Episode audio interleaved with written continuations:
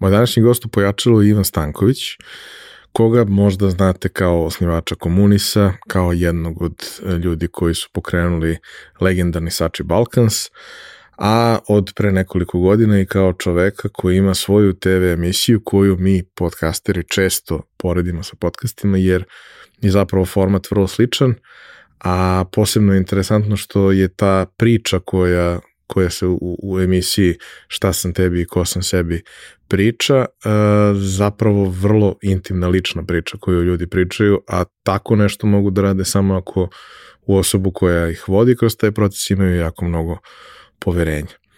E, razgovor sa Ivanom je iz dva dela i u prvom delu se bavimo njegovim odrastanjem, formiranjem kao profesionalca, nalaženjem sebe u celom svetu advertisinga i marketinga i negde dolazimo do početka e, priče Sače Balkans, odnosno prvih nekoliko godina za koje će se ispostaviti da su bile prilično turbulentne zbog svega onoga što se dešavalo na našim prostorima. To je to za prvi deo, iako ćemo se malo baviti Ivanovom emisijom, a u drugom delu vas očekuju neke nove i ostale stvari. To bi bilo to. Realizaciju ove epizode podržala je kompanija Epson, koja je vodeći proizvođač projektora i štampača za sve namene, od kućne i kancelarijske upotrebe do profesionalnih uređaja koji se koriste od maloprodaje do industrijske proizvodnje. Već 20 godina u nizu proizvode najbolje projektore na svetu, a prvi štampač napravili su pre više od 50 godina. I dan danas svaki godin ulože preko pola milijarde dolara u istraživanje i razvoj novih proizvoda sa fokusom na održivo poslovanje i očuvanje životne sredine. Upravo zahvaljujući tome, njihovi inkjet uređaji najnovije generacije prave 94% manje zagađenja od konkurencije uz maksimalan kvalitet otiska. I vaš mobilni telefon koji sada nosite i na kome nas možda slušate i gledate, najverovatnije je napravio robot koji je stigao iz Epsonove fabrike. Roboti su super. Japanski roboti pogotovo. Za slučaj da želite da nas podržite vi individualno, uh, možete da posetite link u opisu podcasta na platformi Buy Me a Coffee i tu možete kupiti mesečnu pretplatu ili jednokratno donirati neki jednost koji želite. Hvala vam unapred na tome.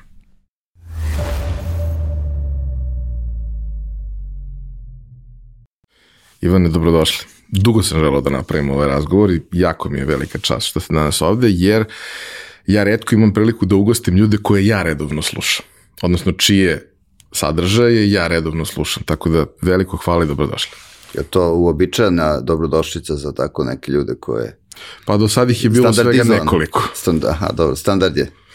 Ove, Opcija A1. Uh, format koji vi sada snimate, uh, koji ide na televiziji K1, ali većina nas ga prati na YouTube-u onda kada imamo vremena, ne linearno kada je u programu, je u suštini nešto što kada sam pričao sa, sa dosta ljubitelja podcasta kao formata, što oni svrstavaju u podcast, iako nije, to je televizijska emisija sa malo fleksibilnijim formatom, dakle ne traje ono 48 minuta ili 24 ili neka tako, nego može da prokliza koliko treba kada ima potrebe i sve ostalo.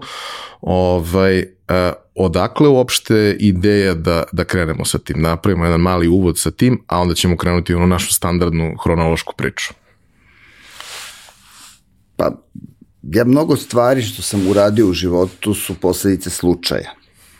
Ovaj, tako da i ovaj e, moj debiltantski e, početak nove karijere sa 65 godina bio praktično posledica slučaja. E, nikad nisam sebe video kao nekog e, TV hosta koji će razgovarati sa gostima. E, desilo se to kad je Željko Joksimović e, pravio televiziju, mi smo prijatelji i družimo se. Ja sam znao da pravi televiziju, ali nisam uopšte bio operativno ili detaljnije nešto uključeno u sve to. I jednom me je, e, bio sam nekog kongresu u Beču, zove me Željko, ja kaže, ne mogu sada da pričam, nisam tu i slušam ovo, kaže, ajde, ajde, otvori se, hoću da napravim veću zvezdu nego tvoja žena od tebe. Ja kažem, o čemu pričaš? Kaže, vidi, ajde, čujemo se posle. I sad pozove me posle, ja ga zovem u stvari kasnije i kaže, pravimo televiziju i ti bi trebao da radiš glavni talk show. Ja kažem, čekaj, ti to mene zezaš. Ne, ne, ne, kao odlično, to ti Otkud ti ja bre, nikad nisam to radio. Kaže, pa baš zato, ovaj, nešto smo gledali, kao ti, rekao, čekaj, niko drugi ne postoji, jel tako, svi, svi su te odbili, pa hoćeš mene, ne, ne, ne, kao sve to. I kao dogovor je bio kad se vratim da se vidimo, I ovaj, pre toga smo se čuli još jednom, on kaže da je mene predložio Drago Jovanović koji radi tamo na toj televiziji i koji me je gledao u Rovinju. Naime, u Rovinju postoje Weekend Media Festival gde sam ja jedan od ja mislim, ovaj, baš onako dosta sam aktivan vezano za to, učestvovao sam od prvoga festivala i u programu i vodio i imao prezentacije, predavanja i ljudi su me gledali, drago me video kad sam radio recimo razgovor sa Tijanićem, Sašom Tijanićem i Goranom Milićem na sceni i kao to je bilo dobro. E, gledali me i valjda Željka Mitrovića, ne znam, neko, još sam s nekim radio razgovor i kao hoće to. I sada e, kad smo trebali da odemo, dogovori da odemo na večeru kod Žeka Jovane, moja žena i ja.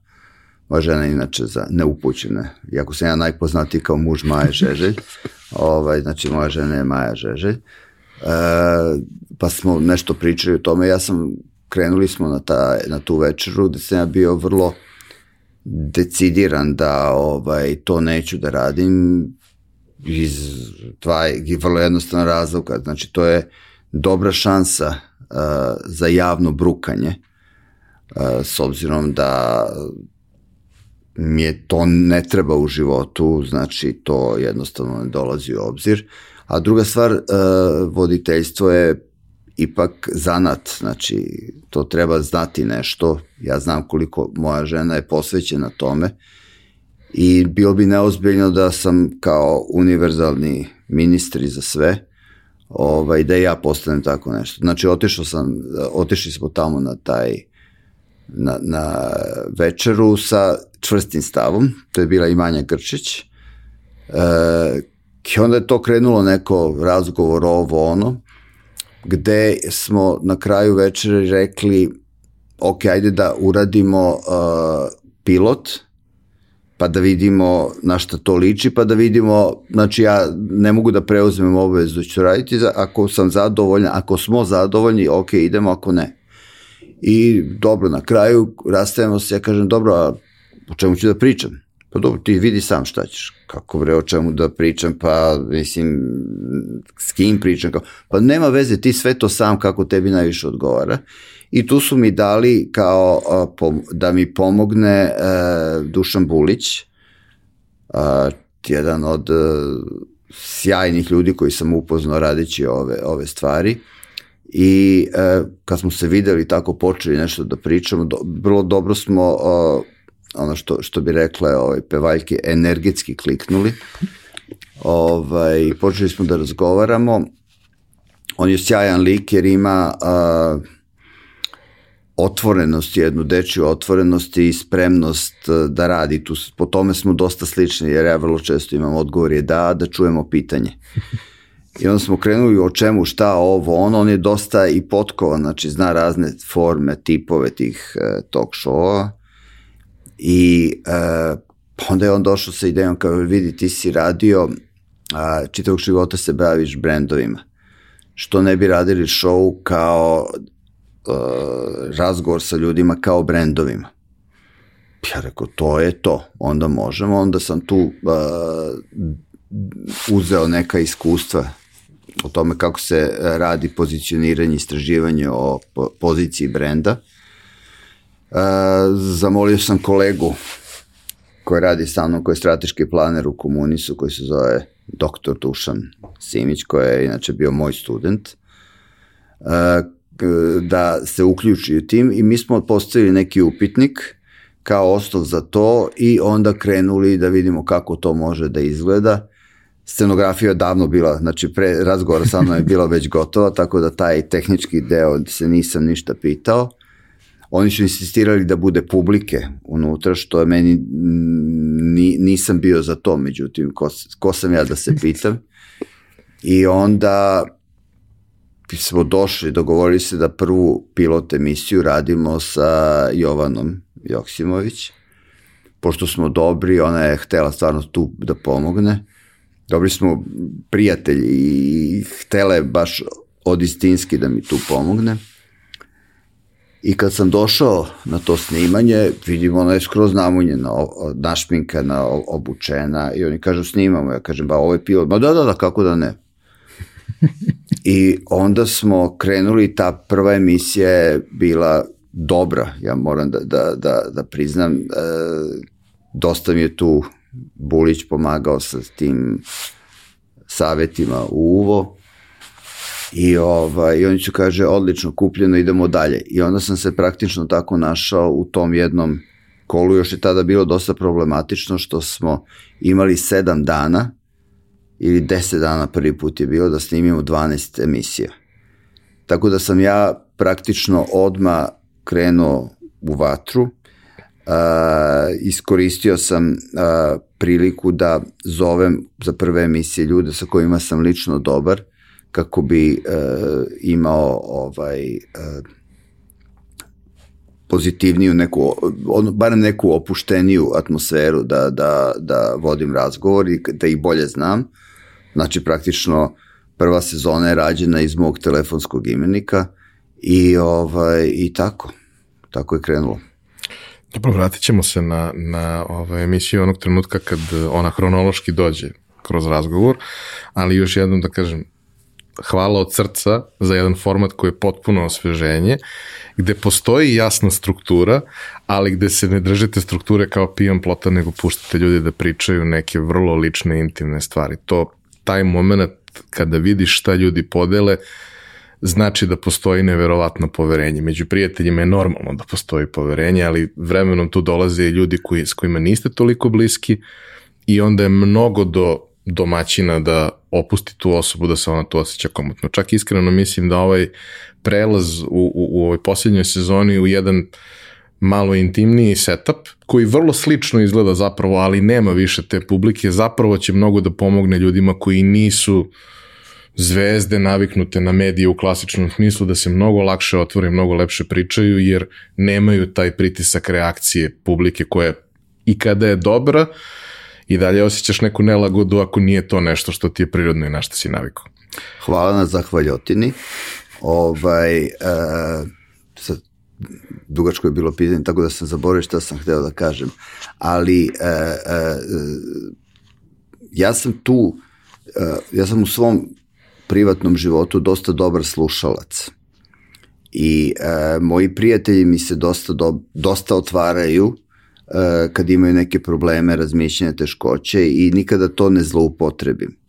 I e, ja mislim da je e, tajna toga zašto su, e, zašto su gosti toliko otvoreni, to što oni e, intuitivno osjećaju da ja nemam želju da njih da sebe gradim preko njihovog gaženja, što je vrlo često se dešava u, u kad imate tako razgovore, onda sam ja tough journalist i onda ja razgovaram sa, sa svima ću majku majčinu, uh, oni znaju da sam dobro nameran.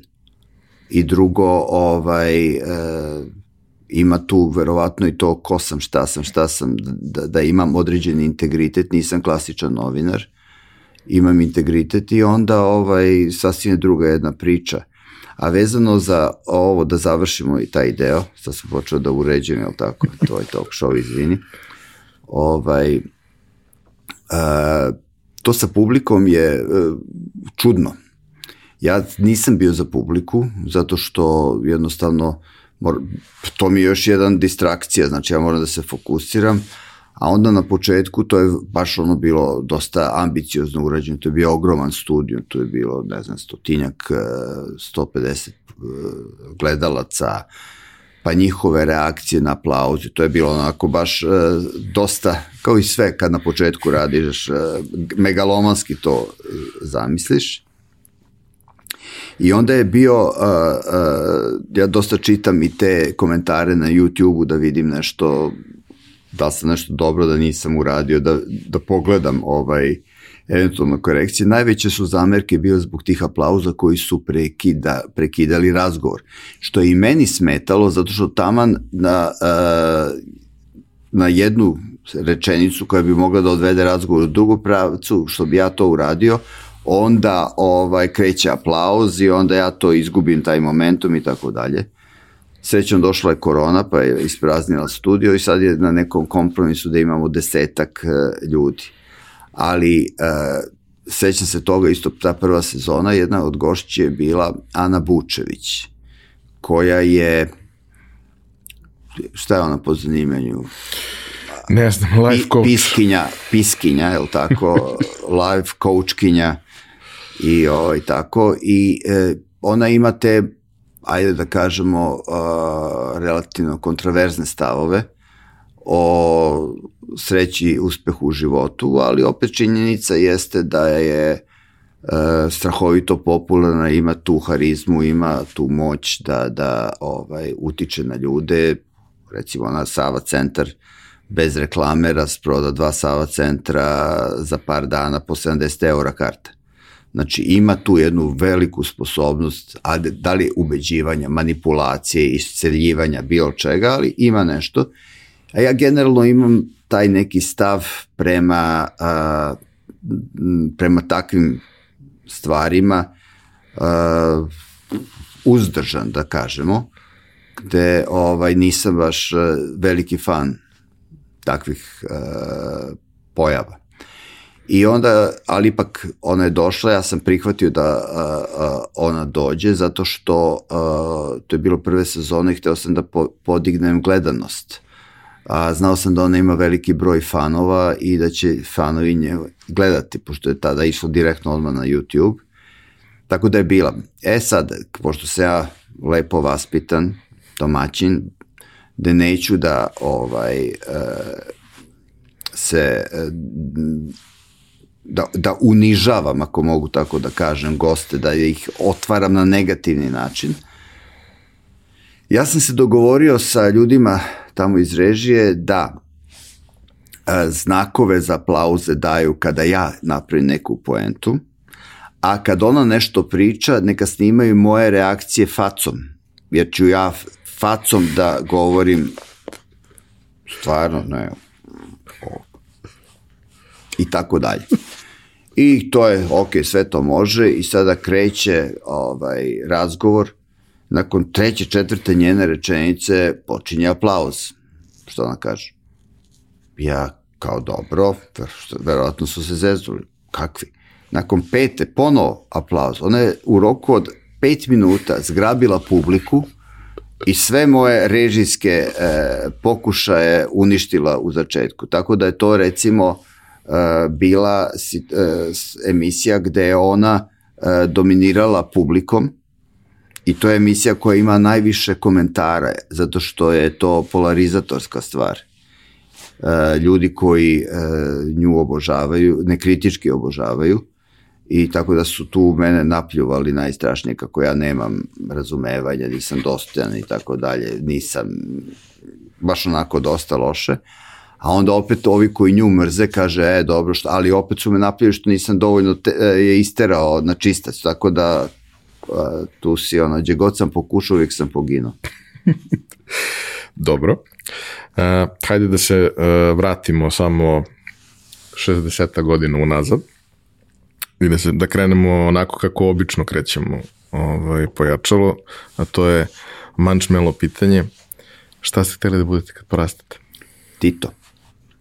To je dobar izbor. Da, zašto? Zato što Tito je jeo samo lubenicu, srce od lubenice, nije morao sve ostale stvari, nije morao da svira klavir i mogo je da radi šta god hoće. Tako da to mi je bilo prvo zanimljenje što sam hteo da budem Tito.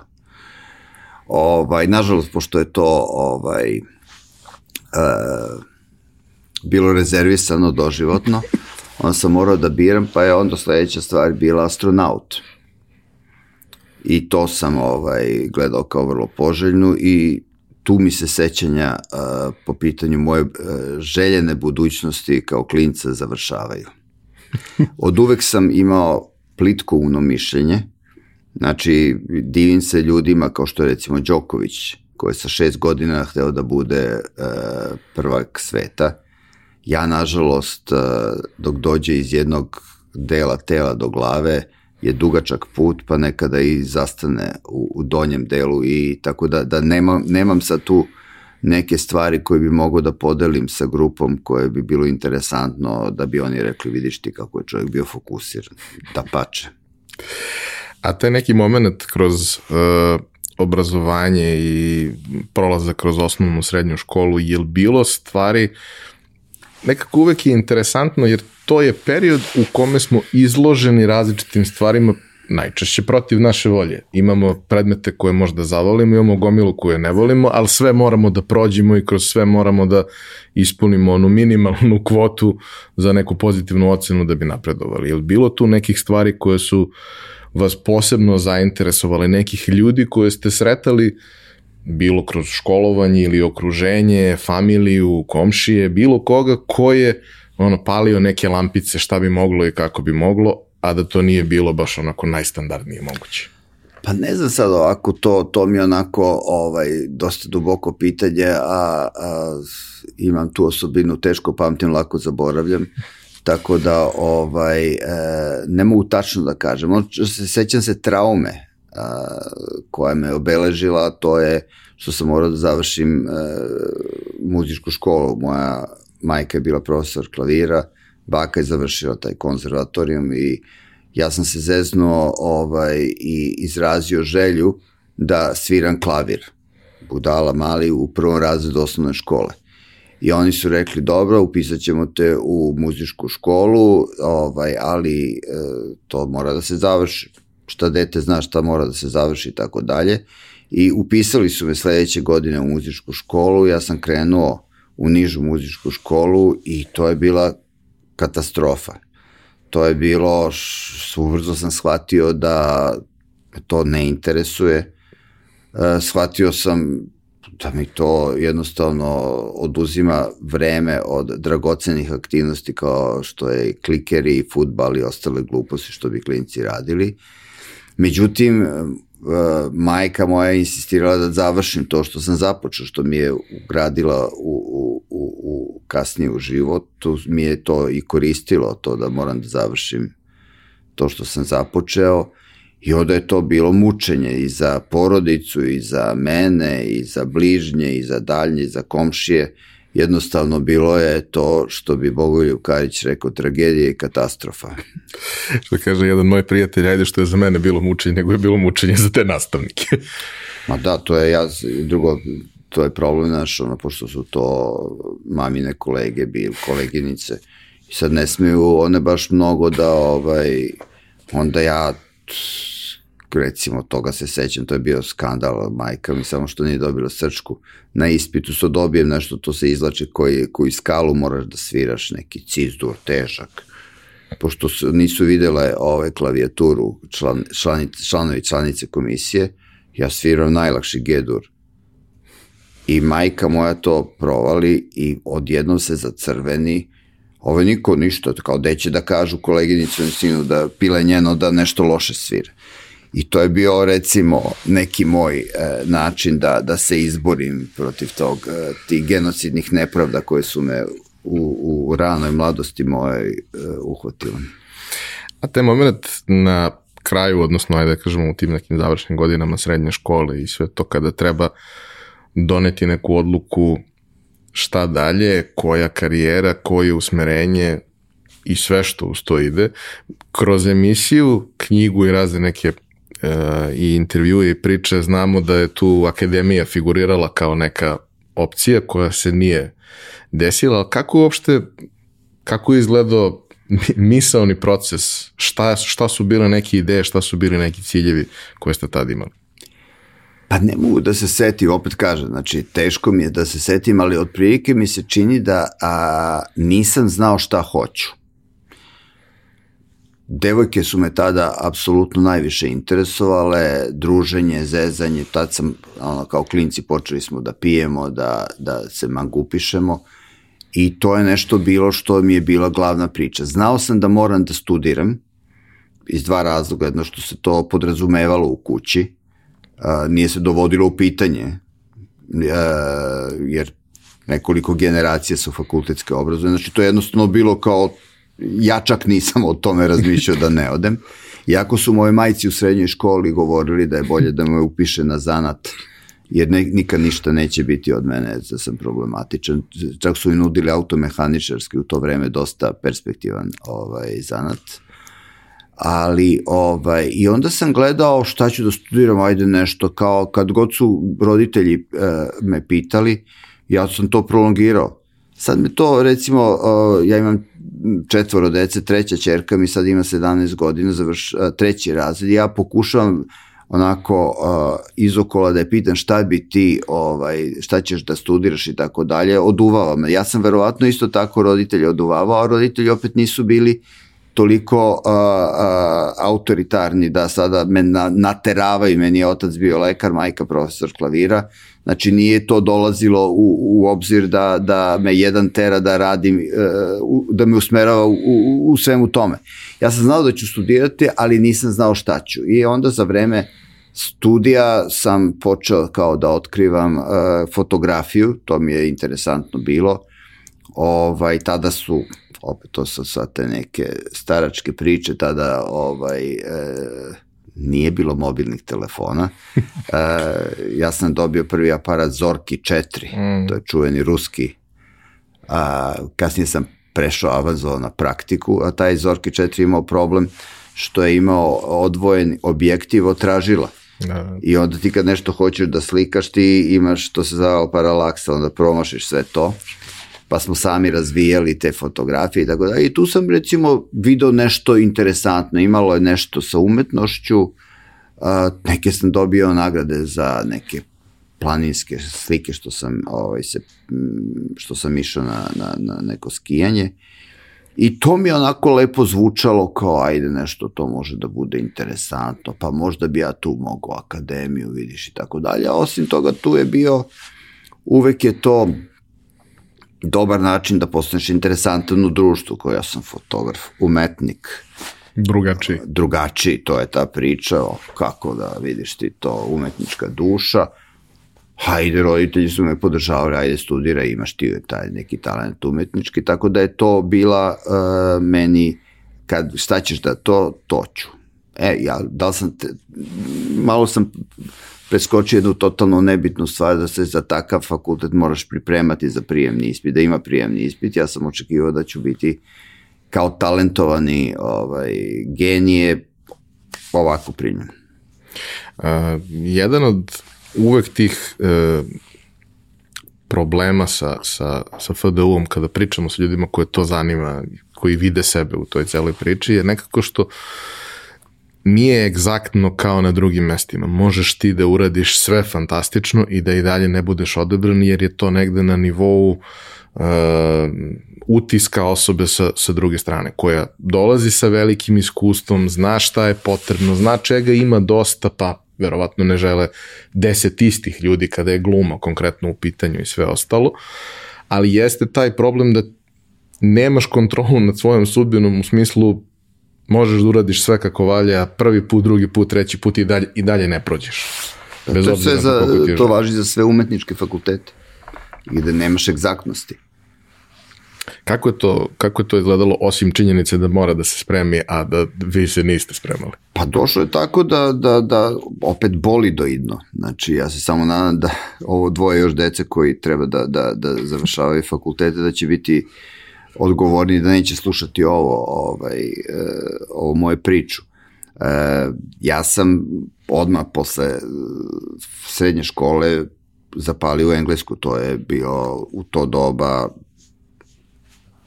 fantastično, to je, to je bila meka sveta, znači to je hippie pokret, Carnaby Street, uh, Make Love Not War, znači sve te neke stvari idealno i onda sam ovaj, živeo u toj filozofiji Make Love Not War ali sam, nažalost, sve dobre stvari imaju neki e, loš e, aspekt, a to je da imaju rok trajanja. Ja sam morao da se vratim, da se upišem na fakultet kako bi, ne bi me odmah u vojsku ubacili. I onda sam došao ovde, nisam znao šta da, odnosno kao došao sam ovde da a, studiram, da se prijavim, tada se zvala Akademija za film, pozorište, radio i televiziju i bila je tamo u Knez Mihajlovo i čujene ka, kafane Kolarac i ja sam došao na prijemni ispit. Prvi prijemni ispit to je bio tamo na filološkom fakultetu, onaj stari heroja, kako se zove, test opšte kulture. I tu spoznajem činjenice koje ne idu meni baš nešto u prilog, a to je da nas je recimo 150 se prijavilo, ja sam steo da studiram kameru za tu katedru, a troje su samo primali. Za ostale ne znam, i sad dođem tamo, a dođem, tad sam došao iz Londona i tada je u Londonu bilo, ovaj, kako se zove, uh, hipi pokret, znači duga kosa, zvoncare, da ideš bos. Ja sam u Kenteberijsku katedralu išao bos i onda se ja po Beogradu ko budala šetao bos, jer to je bio protest protiv ovaj, uh, uštogljenih normi ovoga društva. Mislim da nisam baš tolika budala bio da dođem bos na ovaj, uh, ispit, ali sam došao onako pao s Marsa i vidim čoveče šta će tu biti pitanja opšta kultura. U tom trenutku sam vrlo opšte nekulturan, uh, na nivou baš onako ovaj, gundelja i normalno padnem taj ispit. I sad šta će se desiti? Desit će se to da ako se ne upišem, ići ću u vojsku vojska mi je smrt, jer tamo me čeka neka devojka sam imao u Engleskoj, treba da se ja vratim, kao onak viče, baby come back, ja kažem, evo sad ću samo malo, roditelj pitaju, sine, šta ćeš sada? Ja kažem, pa evo, razmišljam, o čemu razmišljam, neću da, da malerišem to samo, pojma nemam. Bio sam loš džak, nisam mogao da se upišem niti na jedan fakultet koji je e, traži određeni broj bodova, bilo je tih nekih egzotičnih fakulteta gde sam mogao sa svojim uspehom ili neuspehom da se upišem bez prijemnog ispita, koji mi se apsolutno nije uh, spremao, to je bilo recimo fakultet za društvenu samoza, opšte narodnu odbranu i društvenu samozaštitu, onda te egzotični fakulteti koji se završavaju na stvo, ta svinjarstvo, voćarstvo, stočarstvo, šumarstvo, gumarstva i tako dalje, što ne, onda su bili bez prinog, ja mislim, mogu da upišem te neke ozbiljne fakultete, da li bilo e, elektrotehničko ili mašinski, ali to tek me nije interesovalo. Tako da, da je bilo vrlo uh, teško se odrediti, jer ni, nisam znao šta me manje interesuje. Ideja je bila da se upišem negde, da ne bi otišao u vojsku, e, a onda da se godinu dana spremam da uđem na akademiju. To sam rekao roditeljima, ali pa gde da se upišem i onda šta da radim ovo ono i onda odjednom ministarstvo prosvete donese odluku da se povećava broj studenta koji mogu da se, odnosno spuštaju se kriterijumi e, na dva fakulteta koje su mi zvučala suvislo, ekonomija i pravo. Ja kažem, dobre, moj stric je bio jedan, završio ekonomiju, jedan od direktora Plive, dobro je živeo, rekao, ajde upisat ću to, pa baš da vidim to. Ali šta da upišem, da li ekonomiju ili pravo, to je isto problem, zato što ne znam šta me manje interesuje. I kao ajde da vidim šta je lakše. Za svaki, bio sam pragmatičan, rekao, bolje da upišem nešto što možda i me mrzi da spremam taj ispit za, za akademiju pa ajde da vidim nešto, ajde, jer e, praktično je bila e, kao obaveza neka e, nametnuta, e, ne zvanično, nego stajala je to da završim fakultet. Znači, to se nije dovodilo u pitanje, nego to je jednostavno kao, ne možeš da ideš na taj koncert ako ne kupiš kartu. Znači, krajnje je jednostavno to i sada ne mogu dalje u životu da, da, da u život da krenem, dok uh, uh, nemam tu taj papir, jer to mi otvara vrata nekog kako tako normalnih života gde ću kasnije moći da valjda odlučim čemi ću se baviti. I onda sam gledao, odem na jedan fakultet, na drugi fakultet brojim gde ima manje predmeta. Isti predmeti. Onda odem u biblioteku, pa vidim, uzmem užbenike po predmetima, brojim gde ima manje stranica, sad su sve te stvari, znaš, ono, gledaš ovde 250, ovde 370, aha, vidiš ovo je plus, ali onda imaš veći broj. Ma katastrofa, sve sam radio tu analitiku i na kraju je presudilo jedno vrlo jedna vrlo banalna situacija, to da je, uh, da se ja stanovao tada na Zelenom vencu i do ekonomije, do ekonomskog fakulteta sam mogu da uh, peške dođem, i, a na ovaj, pravni sam morao da idem dve stanice, dve šesticom, tako da sam ja odlučio da upišem ekonomiju i onda shvatio da ja to mogu da dosta jednostavno odradim, bez velikog truda i to sam završio. A koliko je bilo u tom trenutku to što se učilo na ekonomiji, koliko je zapravo bilo vama interesantno, koliko je bilo upotrebljivo, primenjivo, aktuelno u tom trenutku u vremenu? Mm, mogu to da pokažem, jel? Može. ali nećemo da pokažemo. Ove, ovaj, znači, ja sam imao na ekonomiji 36 predmeta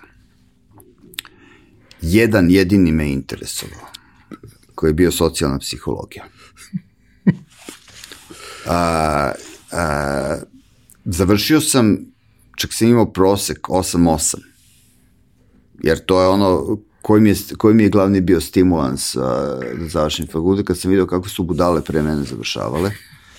I drugo što mi je to bilo kao neki e, kamen oko vrata, jer ništa nisam dalje mogao da radim bez dok to ne završim, pa tek kasnije ću nešto da se bavim. Ovaj, I mislio sam, kao svi, da svi moji problemi će nestati kad diplomiram.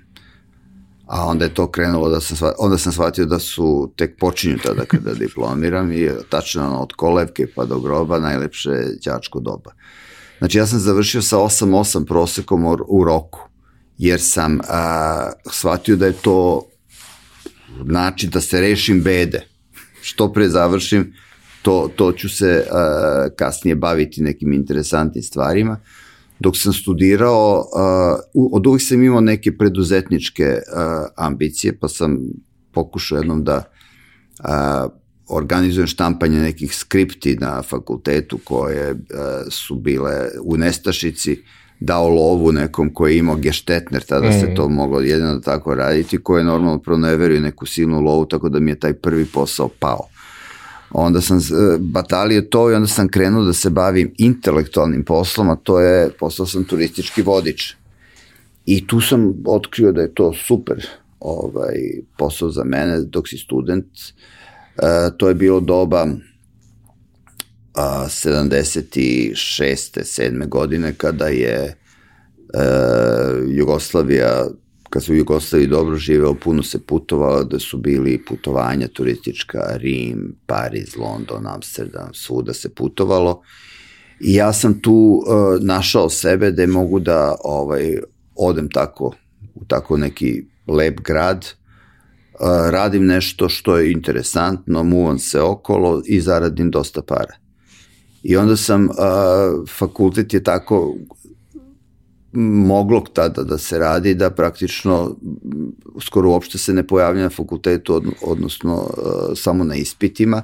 Razvio sam tako neki metod učenja koji mi je odgovarao. Uh, znači, počinjao sam recimo 1. maja sa učenjem i uglavnom sam uh, ili odmah u junu ili u septembru davao rokove ovaj, za, za sledeću godinu i onda sam se bavio tim putovanjima, e, putovo. I tako da to je jedno bilo ovaj e, jedan period koji mi je vrlo odgovarao. I onda sam e, kad sam apsolvirao rekao ajde što ja toliko žurim? Ajde da sad malo se bacim na pravljenje love. E onda sam baš dosta radio kao vodič. I onda sam počinjao, počeo da dobijam ponude za posao kao, pošto su, pravi posao. Za pravi posao, jer ljudi e, kad sam vodio te grupe pa vide kao e, tečko koji obećava, zna, zna jezike, pametan, sposoban, ovo, ono, pa šta ti, ajde kad završiš pa se javi meni možda da, da ti počneš da radiš kod, u, toj nekim, u tim nekim firmama koje su bile dosta prestižne. Ja kažem, dobro, ali č, kažem, ne mogu da ovaj, E, ništa započnem dok ne završim. I onda sam se e, fokusirao da diplomiram i diplomirao sam. Ali opet e, ta je neka praznoglavost koja me čitavog života krasila me je natera da, da kažem šta da ja radim u tim nekim firmama, da li je to bio uh, Genex, neke te stvari, znaš, koji su bile, a su suviše odgovorne nekako bile, rekao, ništa, ja ću još da odem da a, radim, prvi posao da mi bude stalno zaposlim u JAT-u, ali ne u, kao ekonomista, diplomirani ekonomista, nego kao steward. Jer mi je to bilo opet savršeno, puno se putuje, zeza se, lova je tu, kao ono, a šta ću posle, otku znam, pa bit ću neki referent za plan i analizu, otku znam, ne, ne, ne mislim dalje od toga, znači imao sam taj, uh, uvek sam imao taj jedan kratkoročne, neke te bez dugoročnih vizija, bez svega toga, nažalost, znači to, to moram da priznam. Šta bi tek bilo da sam znao šta ću da, da radim.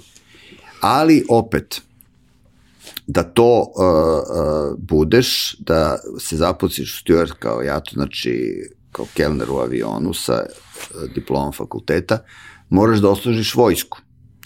Tako da je to bio uslov i ja sam onda otišao u vojsku da bi e, krenuo u svoju karijeru letećeg kelnera.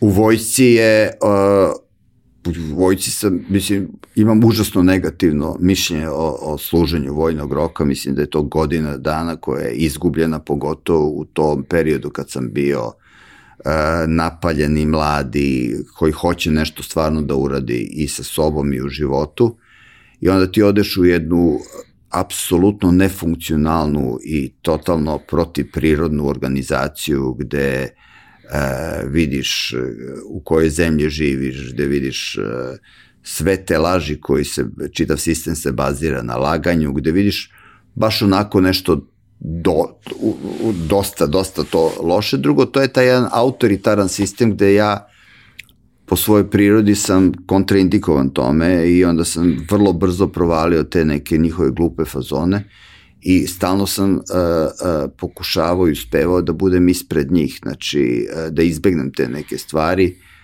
To, to je neverovatno kakve su to gluposti bile i onda su me svi prozvali krivina, krivinaš, jer sam pravio krivine da, da, da ne, ali sam bio ponosan na taj, na, te, na, na taj izbor, zato što jednostavno nisam za takav sistem. I normalno gledao sam kako mogu da a, a, taj sistem zeznem.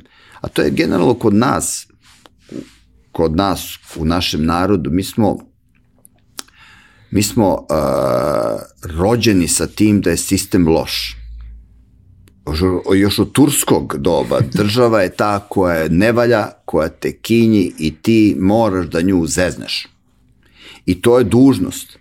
Tako da se mi sad šokiramo kada shvatimo, uh, kad smo čuli termin taxpayers money, znači da država funkcioniše novcem koji mi građani, da mi imamo određena prava i to dalje ne možemo da ukapiramo, nažalost ni, ni ovi koji su uh, u politici to ne kapiraju, da smo mi ti, da, smo, da su oni zbog nas, a ne mi zbog njih.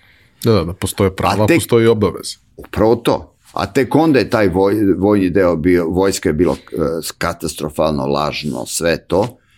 I onda sam normalno gledao kako, kao san svakog vojnika, kako može da zapali kući. I tu sam ovako bio kreativan. Međutim, nešto se desilo ovo ono, mene uh, uhvate da nisam tamo na bežanju i u zatvor.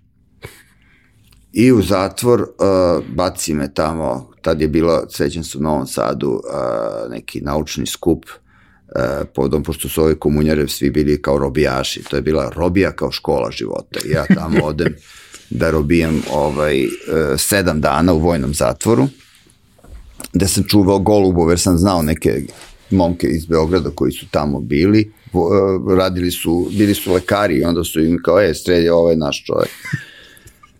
Tako da je to, i posle su me onda po kazni vratili nazad u kasarnu, koji nisu znali šta će sa mnom, pošto je došla neka nova vojska, ja sam imao ograničeno sposoban, pošto sam imao uh, minus pet uh, dioptriju, nisam mogao da dajem stražu, nisu znali šta će sa mnom da rade tamo, jer s, došao sam u nekom uh, interregnumu i glavno kažu, ajde ti ćeš da budeš kerovođa kerovođa je za neupućene ovaj, vojnik koji se stara o kučićima i stavili su me na neku izdvojeno stražarsko mesto tamo u Sremskoj kamanici, tako da da nije bilo starešine, bilo desetak vojnika, ja sam bio kerovođa i ovaj, trpezarac, znači to vodio računa o tome i to mi je bilo super, međutim, opet, taj neki moj, tamo sam se organizovao, recimo, tamo sam svako jutro trčao, trenirao, učio nemački, e, čitao neke knjige, znači to, da mi ne, od, od osad ne znam šta ću. I onda shvatio, razmišljao kao svaki robijaš, e, kako mogu da pobegnem, znači klasična ta priča. Nisam smeo jer sam se bojao e, da, da baš onako otvoreno bežim, jer sam, mogli su da mi produža onda vojni rok. I shvatio sam da oni moraju da me puste na razgovor za posao. To je legalni način.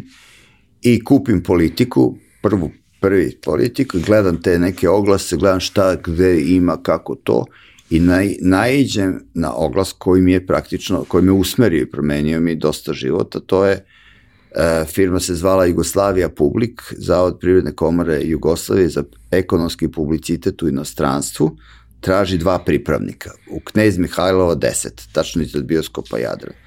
Ja sam tada stanovao u 7. jula, odnosno kralja Petra, roditelji su mi bili u, u, na Zelenom vencu, idealno in between, da, da ovaj, ja sam imao, kad su mi kupili stan na drugoj godini fakulteta, obaveza mi je bila da dolazim jednodnevno kod njih na ručak. To je bila ta obaveza, znači ovo mi je tačno preko posla, Bog da te vidi. I ja zovem, Međutim, to je bila u stvari da li nešto, uh, uh, dan kad sam zvao da je istekao konkurs. Ja sad kako ću to, da, da, kažem, pa znate, ja sam vojnik, bili smo na nekoj vojnoj vežbi, da li bi ja možda mogao, eto, samo da me primite, ja sam vojnik, znate, to vojna vežba je bila. Oni kažu, proverit ćemo i kaže, dobro, zakažu mi da dođem. A opet, bolid, Uh, pojma nisam imao šta je to. Znači, tada normalno nije bilo Google-a, nije bilo internet, nije bilo ništa. Uh, ispostavlja se da je to vrlo jedna firma koja se bavi osetljivim tada stvarima, jer je to rad sa inostranstvom. Znači, samo provereni kadrovi su mogli tu da rade. Znači, tu su radili uh, b, direktor je bio jedan od, uh, od u, u, udbaša, ozbiljnih od udbaša, da li bio tamo na golom otoku kao islednik ili tako, ali znači bilo je to policijska firma, znači samo familija policajaca, proverenih ili vojnih lica, znači jedna vrlo udbaška firma gde se niko nikada nije bio, nije zapošljavao mimo... Uh, niko nije došao slučajno. niko nije došao slučajno. Toko što onaj uh, Čvorović kaže, dobili ste pogre... možda ste okrenuli pogrešan broj, ali ste dobili onoga koga ste, ho... koga ste tražili. Znači, ja, po... ja sam lakoveran vrlo i kako ne pada mi ništa, super, bežim tamo, dolazim tamo na razgovore, ja obo, dolazim dva dana kući, Bog da te vidi, ne, niko nije sreć, srećniji od mene desilo se to da su oni, kada sam se ja javio, digli uzbunu. Ko se to javlja? Da li je to provokator? Da li je to neprijatelj naroda, države, partije i Tita? Ko se to usudio da se javlja i to traži da dođe naknadno drugovi drugarice ja sad dolazim onako u uniformi koja mi je bila kraća, onako bedno sam izgledao u toj uniformi. Tamo generalni direktor, partijski sekretar, šef službe za ONO i DSZ, to je što naravno i DSZ, a, predsjednik radničkog savjeta, predsjednik sindikata, njih jedno šest, sedam ljudi koji su drugovi imamo situaciju, ajde da ču, da vidimo o čemu se radi, kako, ko to sme nas da provocira. I nakon pet minuta ovaj generalni direktor Čedomir Džomba uh, shvati da ima uh, da ima specifičan slučaj koji pojma nema nigde, ni pao s Marsa čovjek i kaže ovim ostalima, kaže ok, u redu je to sve u redu, ajde ja ću da nastavim razgovor. I se kaže, što si ti javio? Ja kažem, pa, interes, ajde, kaže, sad te interese, bre, pojma nemaš gde si došao. Pa što se javio? Pa rekao da dođem iz vojske, da dođem razgovor. Pa bi ti volao da radiš ovde? pa čime se vi bavite? pa on kaže to, kaže, pa vidim, putovao si, znaš jezike, pa šta, ko, šta, koje knjige čitaš, aj mi reci nešto što te, ja kažem. Koje filmove si gledao, kažem. A slikara kog voliš, muziku, aha, vidiš ti, počnemo tu da pričamo normalno. Kaže, za koga navijaš? Pa, mene baš briga za futbol, ali njemu kancelarija crno-bela boja. Kaže, ma ne znam to, ali partizan mi je tu u srcu. Kaže, primljenci. Kaže, stvarno? Kaže, da. Kad možeš da počneš? A ja slagao da ovaj, e, imam još mesec dana da, do kraja vojske, međutim imam sam još jedno četiri meseca. Sad je to problem. Pa rekao, znate šta, možda će nam produžiti. Pa kad bi ti izašao? Pa recimo, to je bilo recimo, ja sam rekao da ću izaći od prvog, to je bilo neki mart, recimo, ja kažem od prvog maja. On kaže, možeš prvo, ma kako je to? Ja u vojsci do avgusta. On kaže, pa kad izlaziš? Pa rekao, pa neću pre, uh, neću pre avgusta. U avgustu? Odmah da počneš da radiš? Pa rekao, pa ajde uzmi odmah, ajde od 1. septembra. Tako da sam ja od 1. septembra 1979. godine počeo da radim kao pripravnik u agenciji za ekonomski publicitet Privredne komore Jugoslavije u inostranstvu. A šta je bio posao? Pa imao sam vrlo odgovoran posao. Kad sam prvi dan došao, tad se radilo od 7 do 3. Znači ja dođem u 7 sati, javim se šefici i rekao, evo ja sam došao, dobro, dobro, znam, znam, drago mi je, ajde ti sedi tamo, popi kafu sa kolegama, pa dođi kad popijete kafu. I sad popiri kafu, pročitaju novine, dolazim ja oko 15 do 8 kod nje, evo ja sam pročitao, kaže, ajde da vidi, sad će još malo doručak, pa posle doručka ćemo to da uradimo. Jer tada je bio doručak koji je bio oko pola deset, jedan od glavnih činovničkih, uh, najsvetlijih tačaka činovničkog života, pogotovo u Jugoslavije publiku koji imao fantastičnu kuhinju na sedmom spratu, to su bili od papaka u saftu, škembići, i ostale te neke ovaj, radosti, gadosti, u pola deset vi to lepo jedete i Bog da vas vidi. Kaže, ajde, posle doručka ćemo. Dobro, ajde, kako će da propadne firma, ovaj, ako mene odmah ne angažuju, kako to? Rekao, ajde, valjda će izdržati nekako. Završi se doručak, ja kod nje kaže, e čekaj sada, ovaj, e, treba da ode nešto na pijacu, pa kad se vratimo, onda ćemo ti ja da popričam. I negde oko pola jedan, ajde da vidimo šta bi ti radio, preko ne znam, ti si tom sektoru za međunarodne sajma, to je najprestižniji, dobro, daćemo te mi tom nekom starom činovniku kao ovaj, da ti bude mentor, mentor, pardon, ovaj, i kao kod njega, ja dođem kod njega, šta da radim, kaže, listaj registratore. registratore o sajmovima koji su oni organizovali ja sad kažem, dobro, odgovoran je, ali ne znam šta da listam, znači, ne pogledam, vidim ovo, ono, kažem, evo ja, za pola sata ja dođem, evo ja prelistao. He, mladiću, misliš ti tako to može? E, ne, ne, listaj ti i dalje. Tako da sam ja prvih mesec dana listao registratore, o, onda sam upoznao tamo ekipu koja je radila, da je bilo odličnih momaka zezanje, tu sam da učio te osnovne činovničke fazone, da imaš uvek rezervni sako na stolici, rezervne paklo cigareta na stolu i onda kad te traže, gde je tu je, ne vidiš, tu mu je sako i tu su mu cigare, a mi smo gledali tada fest, pošto je tada bio fest, u Jadranu se često dao. Znači, to je, naučio sam te neke činovničke fazone, kasnije sam avanzovao pa sam uh, nosio uh, poruke iz, uh, u, u daktilo biro da se kucaju, znači to, to mi je bio sledeći zadatak. A onda sam tek je bilo upgrade da sam ovaj e, mogao da prevodim ove po, neke poruke za za uh, kako se to zove, nije, nije telefax, nego to je bio... De, telex. Telex, da, telex. Za, za neupućene to je neka mašinerija da vi uh, imate, otkucate neku traku, se to kao pisaća mašina, da se stavi to i onda se to direktno u istom vremenu šalje neki pisani dokument koji je imao vre, vrednost ugovora, važnost ugovora i svega toga. a šefica mi je kontro, kontrolisala, ona je znala baš dobro engleski, naroče do Kent i Malboro, to su bile glavne reči koje je znala, tako da sam bio tu i shvatim da to je katastrofa za mene. Onda sam tražio da odem u neki drugi sektor gde se radi. I oni su svi gledali koja ova budala bre hoće da radi.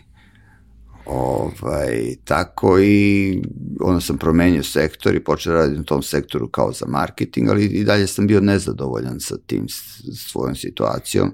Nisam ništa radio, mala je lova bila i nije nešto što me činilo srećnim. Je li bilo par nečega u, u, radu sa tim velikim firmama koje su bile prisutne na sajmovima, koje su izlagale tražile ino kooperante za kojima će raditi i slično, ili bilo bar tu nešto zanimljivo, jer kao negde si na čvorištu između svega toga. Vidi, ja nisam dosegao do Jer ti treba da imaš 10 godina staža da te pošalju na sajam negde. Nisam kakvi, što su overqualified. Tamo su bili kadrovi, nemaju ni fakultet, ali imaju iskustvo, ne znaju engleski, ali vuku prevodilicu, ne prevodioce, nego prevodilicu, pa dupla sreća, tako da ovaj, apsolutno nemam ništa to, znači ništa nisam tu, počeo sam da radim na nekom projektu koji su mi dali onako da me skinu ovaj, a, o, o mogućnosti marketiranja sode bikarbone i toga se sećam i dalje. Ne, to je interesantno, jer soda bikarbona za, u, u maloprodaju ima fantastične funkcije za recimo oklanjanje mirisa neprijatnih, onda za skidanje fleka, onda stotinu stvari, tako da sam to naučio. A sam bio užasno nezadovoljan i onda sam konkurisao uh, nešto što mi se činilo vrlo prestižno, to je bio uh, Savezni sekretarija za inostrane poslove, SIP, odnosno Ministarstvo za inostrane poslove, gde je ovaj e, sam se prijavio za, za posao pripravnika za da, diplomatsko konzularne poslove i prijavio sam 1100 ljudi. I to, fal, rekao, ajde da vidim šta će tu biti. To je bilo da, da dosta prestižno, znaš, ono, da radiš u inostranstvu, u tom nekom diplomatskom. To su baš onako bile, tada nije bilo dozvoljeno privatno preduzetništvo, i to je bilo onako, ka, ja sam mislio da je to nešto što bi mene moglo da ispuni. I onda sam, a, taj konkurs je trajao užasno dugo, a, te prvo bezbednostne provere, pa razgovori, pa moralno-politička podobnost, pa provera roditelja, pa testovi neki, pa eseji, pa poznavanje međunarodnih odnosa, pa baš je dosta dobro. I umeđu vremenu ja nisam hteo da čekam, ja sam konkurisao još na neka mesta i bi, bih, Bejah, kako se kaže, Bejah primljen na, uh, u jednu izdavačku kuću kao direktor, a ne, šef propagande. Koliko sam imao, 24 godine, 5 godina, 24, tako nešto, godin 5. Ne znam, ali otprilike tako. I ja kažem, ajde, da, da dođem bare nešto da radim, jer ja sam hteo nešto da radim da se dokažem. Znači, mene nije, ovaj, e, kao ni sada, nikad ne, taj neki nerad e, me čini nesrećnim, nekako sam nervozan, nisam srećan kad ne radim. Znači, hoću da radim, hoću da zaradim, hoću da radim. Znači, da hoću da ima neki izazov. I ja se dogovorim sa tim ljudima da pređem, sledeći dan me zovu iz SIPA, kaže, mladiću, primljeni ste i to sedmi na rangu. Ja kažem, kako sada, gdje me nađe ovako, ne znam šta da radim. Onda ovaj, e, razmišljam, ovima sam dao reč, a ovo je prestižno. I razmišljam kako ću, šta ću i onda mi je u stvari nešto što kasnije fenomenom naknade pameti sam ukapirao, da sam se intuitivno a, borio protiv takvog nekog a, uštogljenog sistema, autoritarnog sistema, jasno hijerarhijski podređeno, zato što je to protivno moje ličnosti. Tada mi je to nije bilo jasno, ali e, sam sebi e, e, objasnio zašto ne idem tamo, zašto se tamo mora svaki dan da se nosi odelo. Ja sam kasnije, kad smo sači pravili, e, svaki dan sam išao u odelo, jer odelo je odlična stvar. Ali sobstvenim izborom ali sobstveni izvor, to je mala sitnica. koja menja krup, sitnicu u krupnicu, ali sam ovaj, e, odelo ti super, zato što ne, brine, ne brine šta ćeš da obučeš. To ti je kao uniforma. I onda sam rekao drugovi, ja hvala, ali neću. I onda me zvao taj pomoćnik ministra na razgovor. Kako ti možeš sad da nećeš? Kako ti sad možeš da nećeš? Ovaj, da li je to provokacija nekada, šta si ti, koja ti je ono, hidden agenda na srpskom, ovaj, šta, zbog čega ti to nećeš? I onda sam ja objasnio da dao sam reč ljudima. Ne mogu, ako sam im dao reč da ću doći. Kaže, ali to, vi ste fantastično potencijalan kadar. Meni je, a, ja sam stvarno imao veliki potencijal za diplomatsku karijeru u bivšoj Jugoslaviji, jer mi je otac iz Zagreba, Hrvat, majka iz Beograda, Srpkinja. I to je bilo nešto ovaj, idealno, on kaže, ali mladiću, vi ćete biti za par godina na mestu savjetnika da biste išli odmah, da vi imate šansu da postanete najmlađi ambasador naš i tako dalje. Ja kažem da, ali dao sam im reč. I tako da sam od, odlučio da preuzmem a, svoj život u svoje ruke, u stvari to je poruka. I kako je bilo biti šef propagande izdavačkog preduzeća? Pa tu sam, uh, opet je problem što je to bio dosta jedan uštogljen, onako stari, baš jedan sistem koji je daleko bio po nekom društvenom statusu, ljudima i, i ambicijama od Jugoslavija publika, bez obzira što je Jugoslavija bio, Jugoslavija publik bio a, a, neradno priča, to je bilo ipak elitistička neka stvar, ovde je nešto drugo došlo.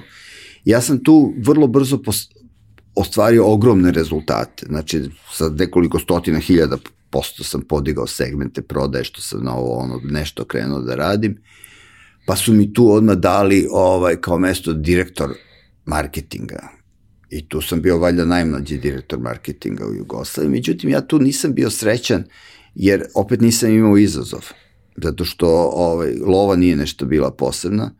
Uh, postigao sam to gde dalje ti ljudi koji su tamo bili nisu me inspirisali da ovaj uh, imam tu neku identifikaciju, nisam imao ambiciju da sada ja budem direktor ili bilo te stvari.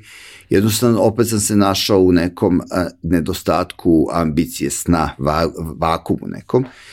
I onda sam, od tada sam već uh, dobio jedno i, i jedno dete, ovaj, počeo da, počeo da dobija drugo.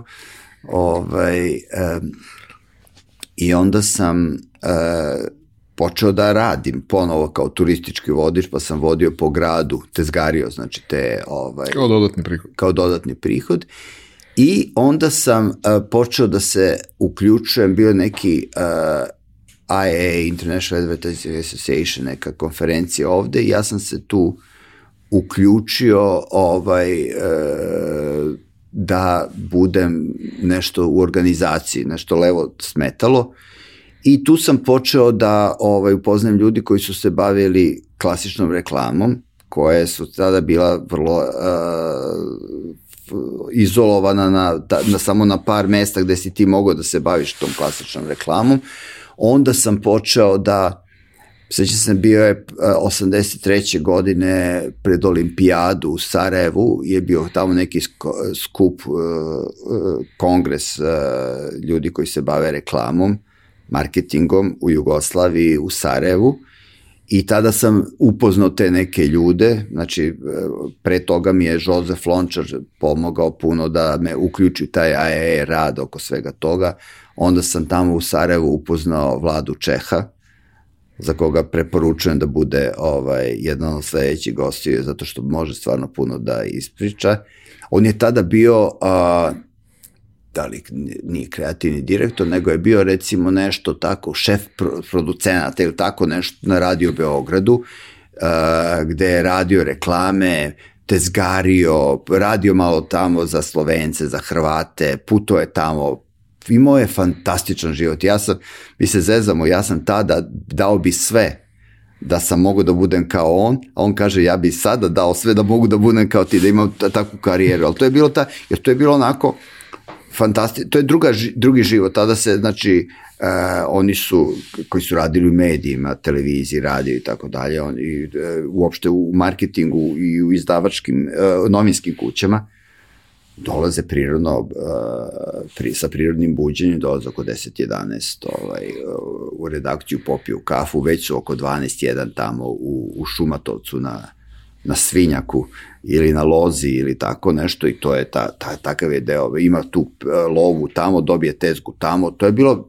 fantastičan neki život, meni se tada to činilo. I onda sam počeo da se uh, na neki način uh, družim sa tim ljudima i sticam okolnosti jer sam upoznao sam lika koji je bio direktor McKen, McKen Ericksona za predsednik McKen Ericksona za Ameriku. Uh, I bio je taj kongres, ovo što je Josef Lončar organizovao i ja sam tu se upoznao s njime ovo, ono, on je video kao, e, super je ovaj dečko, kaže, ajde, ako hoćeš dođi malo u Ameriku da vidiš tamo kako se to radi.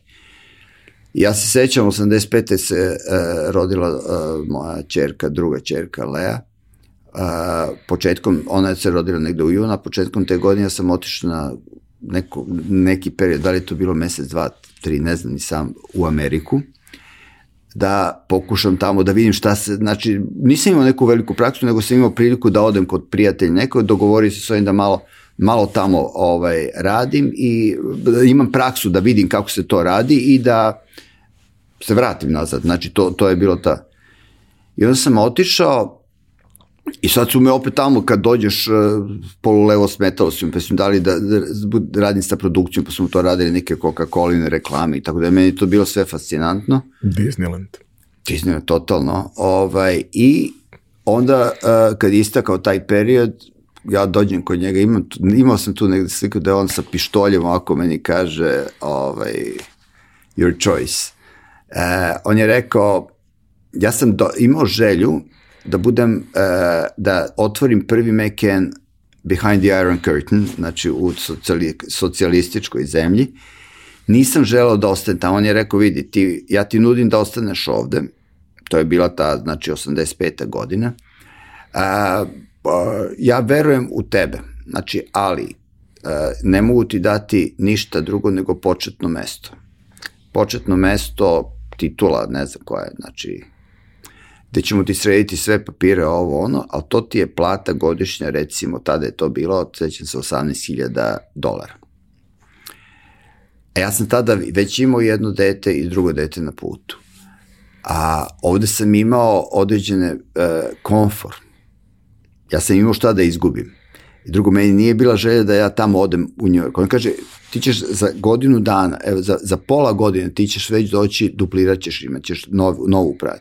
Za dve godine ti ćeš imati između 70 i 100 hiljada godišnje, ja sam siguran u to i onda ćemo vidjeti to. Ali ne, ne mogu ti dati sada... Nema velikih obećanja na početku. Ne, ne mogu ti dati, mora da dajem ti šansu, a ti da zasluže. Ako veruješ u sebe, prihvatit ćeš, ako ne, to.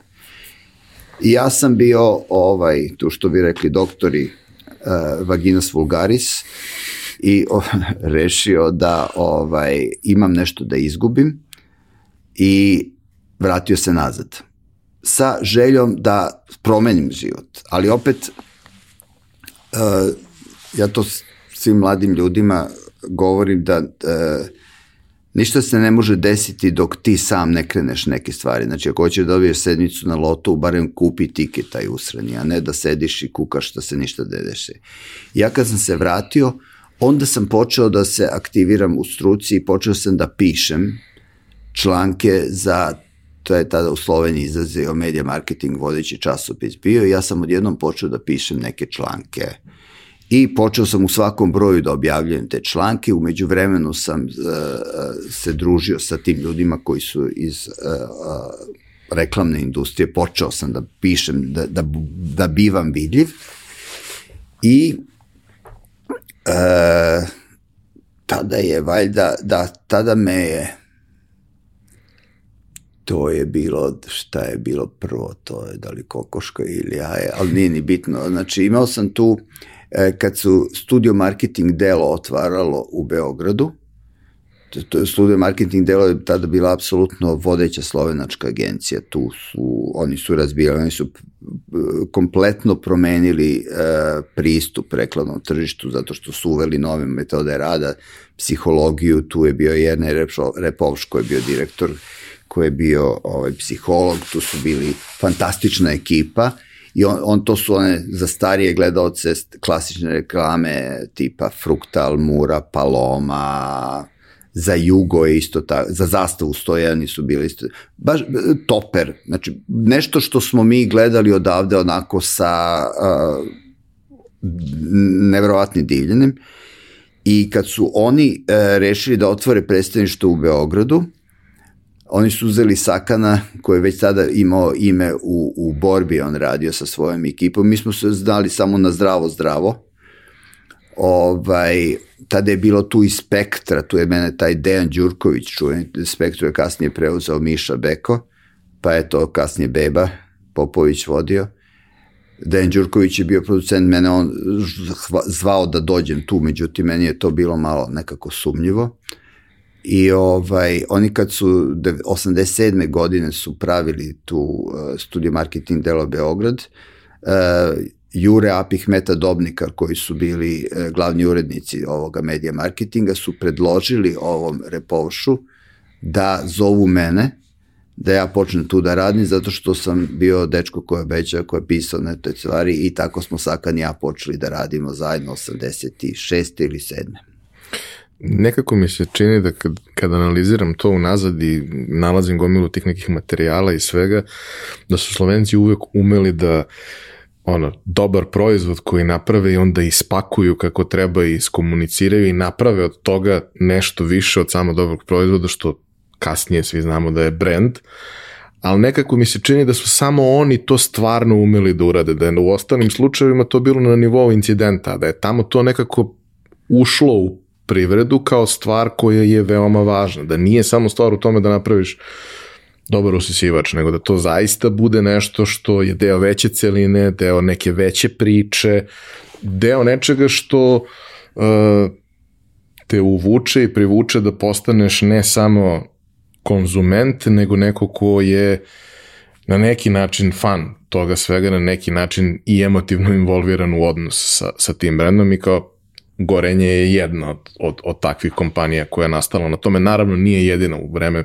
bivše Jugoslavije je toga bilo, ali mi se nekako čini da je tamo toga bilo ipak malo više i da smo mi zapravo o tom pristupu i malo drugačijem uglu mogli mnogo da naučimo od njih, a da nekako nisu ljudi to toliko ovde želeli, osim izuzetaka.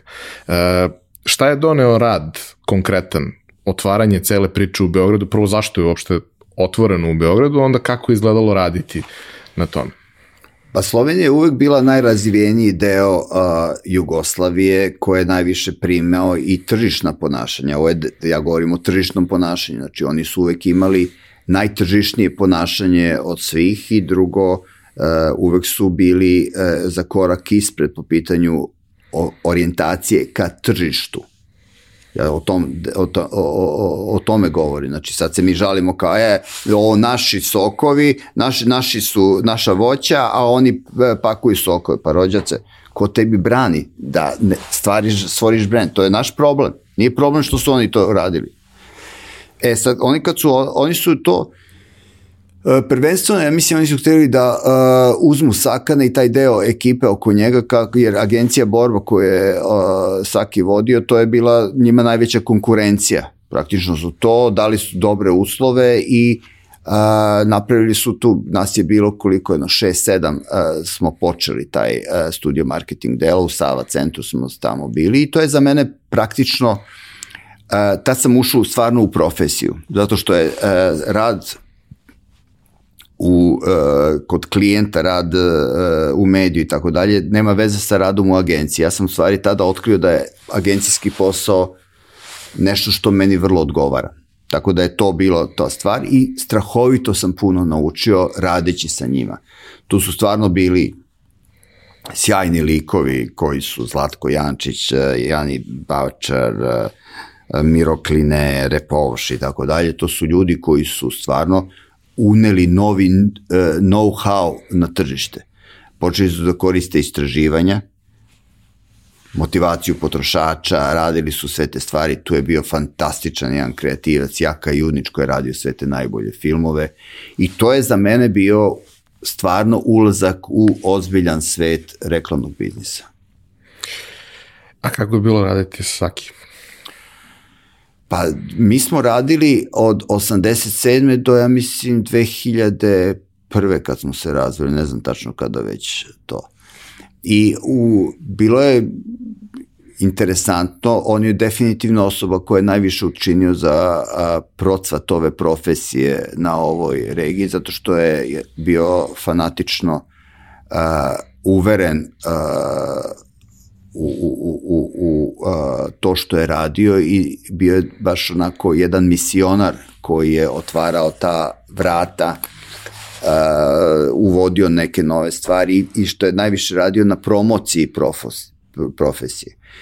Kad smo počeli, uh, kad, je, kad smo počeli, on je, on je meni bio šef praktično. Ja sam bio account direktor ili menadžer, ne znam šta mi je ta bila prva titula, a on je bio kreativni direktor i tu je bilo uh, raznoraznih stvari. Mi smo tu, uh, ja uh, do, pri, pri kraju tog perioda našeg života smo bili često u sukobu, zato što ja nisam hteo da prihvatim da je jedino on kreativan, Apsolutno, nekad se nisam slagao, a ti znaš sam kada, kre, kada kritikuješ kreativca, pogotovo neko koji možda i može nešto da uradi, to je osnov za to. I tako da smo u pri kraju te prve, e, prve te etape saradnje u, u, u studio marketing delu, a, bili u nekim, ja bih rekao i čak i zategnuti nekim odnosima, gde sam ja a, krenuo, to je bilo recimo, ja sve su mi se godine pomenašao, da li to 88. 9. 9. godine, kad sam ja krenuo da razmišljam da napravim svoju prvu agenciju, privatnu, zato što sam verovao da kreativnost je nešto drugo, da mogu da budem kreativan i hteo sam jednostavno da neke stvari... Uh, da se nešto i pitaš. Ne, ja sam se pitao u jednom segmentu, ali ne u onom segmentu koje je mene zadovoljavao, zato što sam smatrao da jednostavno nešto se može bolje raditi i hteo sam jednostavno da dođem uh, do, do prilike da ja uradim nešto po svome.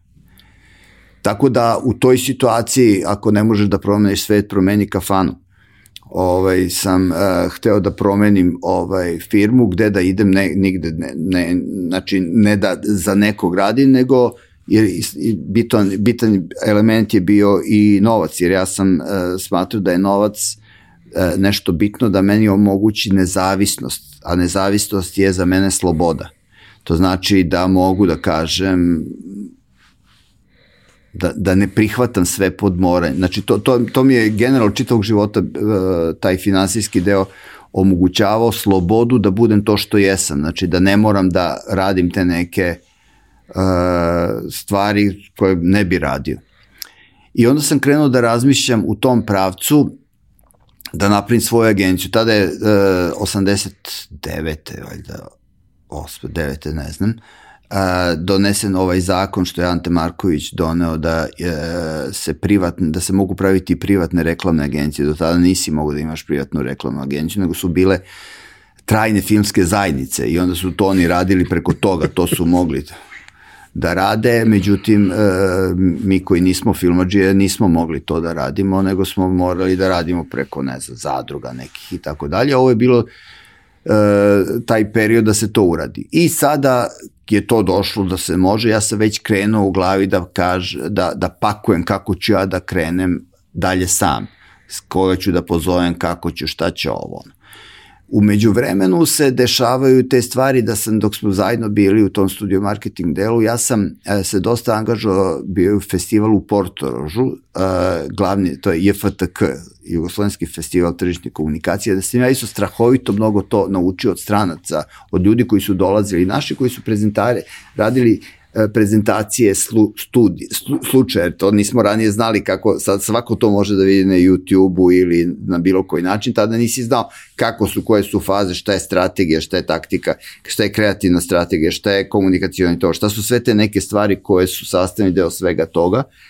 A, I tamo sam učio, to je za mene bila škola, a istovremeno sam sva, svake godine sam bio u tom nekom organizacijonom odboru i radio pojedine segmente. E, onda sam jedne godine ja predložio da napravimo uh, program, deo tog festivala koji bi se zvao Special Guest Star. Ja sam uvek bio dobar uh, uh, da da budem nešto između uh, nas ovde i mrskog sveta.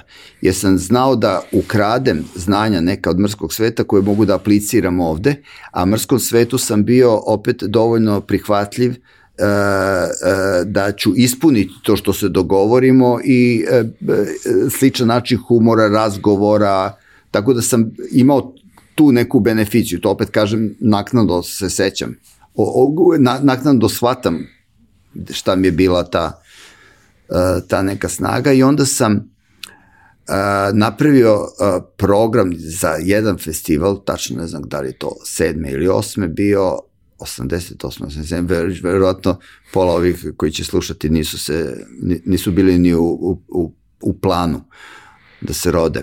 Ovaj, a, program se zvao Special Guest Stars. Ja sam smislio da pozovem a, tri a, najveće oglašivača tada i tri najveće a, svetske agencije da dođu da imaju svoje prezentacije tu. I to su ovi rekli, ok. I sad to Mission Impossible, uvek sam volao Mission Impossible, što je impos, imposibilije, to mi je draži. Ovaj, I znam da sam bio Olivetti, Benetton i ne znam ko je još bio od, tih svetskih, veli, tad, tad je Benetton razbijao, Olivetti isto tako bio i ne znam ko je još bio treći, a bio je, pozvao sam McCann, Ogilvy Mather i Sači Sači. I E, kako je došlo do tog sači, za Sači, ja sam zvao, da sam ja otišao sam telefonom, ne znam, nije ni bitno, znači ja kažem... Ali mail nije bio sigurno. Ne, sigurno ne, ali moguće da sam čak i otišao tamo na razgovor ili možda i nisam.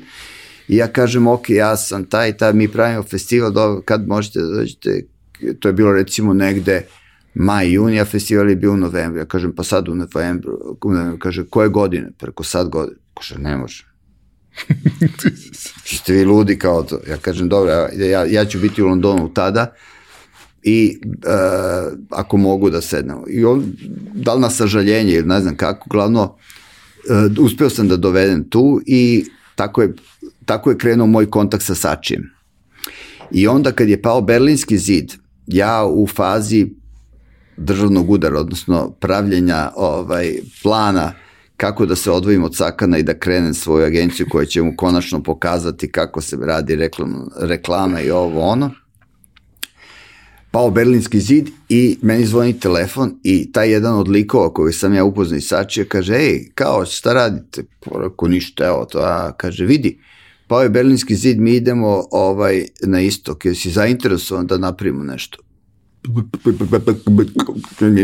Mislim, kako? Pa ne znam kako tebi, kako hoćeš, samo nama je bitno da imate Jugoslaviju, ti vidiš šta hoćeš, da li ti hoćeš da bude to 100% naše, 100% tvoje, da li je ovo, da, da, ba, nije nam bitno, samo da to. I sada, daš, ti gledaš, ono, to Mičko zvao da te zeza, ovaj, gledaš i, i ne veruješ i prvi uh, impuls mi je bio, jes, sad ću mu ja pokazati, e, sad ćemo da vidimo. Međutim, to, e, tad sam dosta se uh, družio sa zajedničkim prijateljem i sakanom i mojim profesor Veljko Đurić i, ovaj, i uh, pričao sam tada s njim i o svojim konfliktima, zašto ne može, šta je, sa, zašto nam ne, ne, ne ide dalje. I on kaže, vidi, ajde nemoj da, da budeš ovaj glup, ti si dobar u ovom, on je dobar u ovom, napravite zajedno. I ja, to ne dolazi ozbiljno, sada kakvi ne, sad ću ja pokazati, e, kaže, ajde smiri se ovo, ono, nakon razgovora ubedi on mene da bi bilo bolje da napravimo zajednički tu priču, ubedi me on da je bolje da on bude broj jedan, a ja broj 2, da on ima veći procenat akcija nego ja, neznatno, ali da je on većinski vlasnik, da sam ja manjinski. I ovaj, I tako, tako je Sači krenuo, sam ja rekao Sakanu, vidi, ova je situacija, da je to, ovo, to je njemu bio problematično da prihvati mene kao partnera jednako. Da, ne jednako, ali opet uopšte kao partner, znači postoji još jedan pored Boga, zamjenik Boga, onda smo se ovaj, uh, tu dogovarali kakve ćemo imati titule, ja sam uvek morao da imam Vice u, u svojoj tituli i tako smo mi napravili Sači. I to se dešava u trenutku koji je za svet izuzetno interesantan, potentan za širenje, za ekspanziju, za gomilu nekih novih ono, ukusa začina koji dolaze sa ovih naših prostora i sve to. A ovde se sprema potpuna katastrofa i, i, i raspad i sve. Ok, ne dešava se baš odmah, ali taman kad se sve postavi i slegne kako treba, kreće potpuni haos.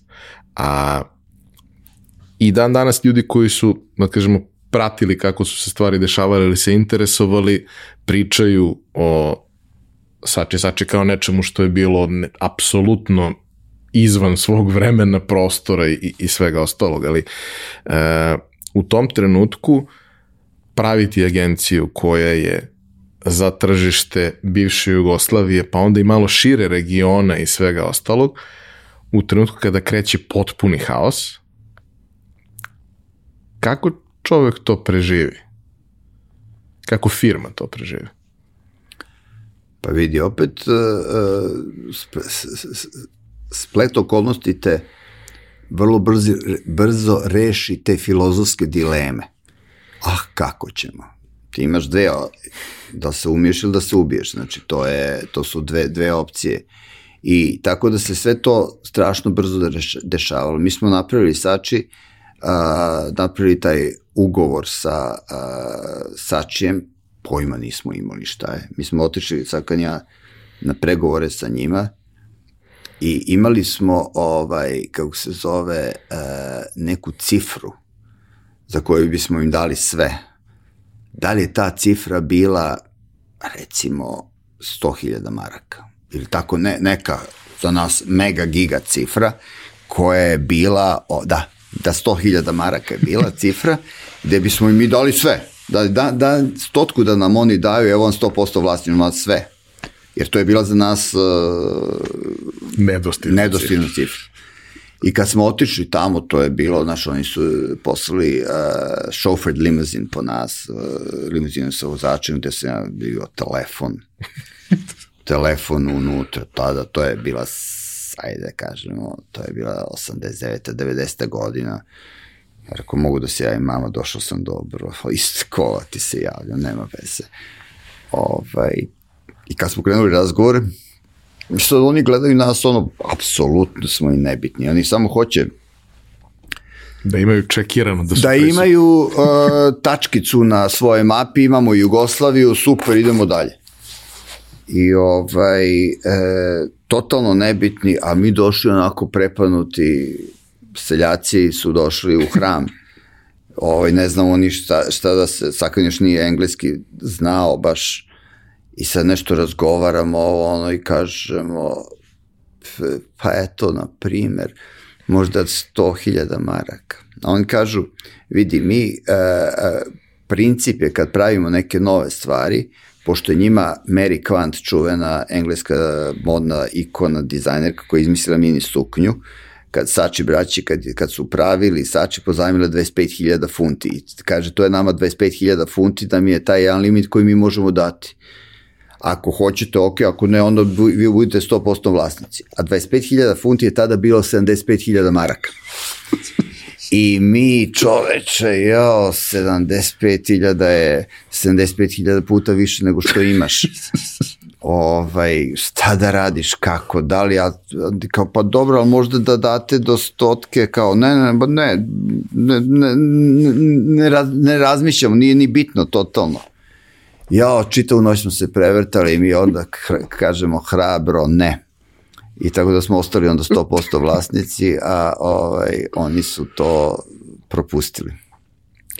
E, taj podrazumevao rad kroz jedan takav sistem. Danas kada pričamo o tome, u suštini biti deo nekog sistema ili imati neku otvorenu saradnju ko brendiranje sa sistemom podrazumeva da ti dobijaš neke stvari iz tog sistema, neke klijente za ta tržišta i tako dalje. Možda ne po automatizmu uvek, ali si preferred partner, recimo, na nekom novom tržištu na koji klijent dolazi, klijent koji je globalni ili regionalni. Šta je u tom trenutku značilo biti deo Sači grupe?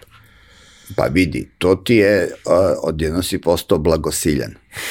Odjedno si postao belac u zemlji crnaca. Odjedno si postao sve što nisi nikad bio.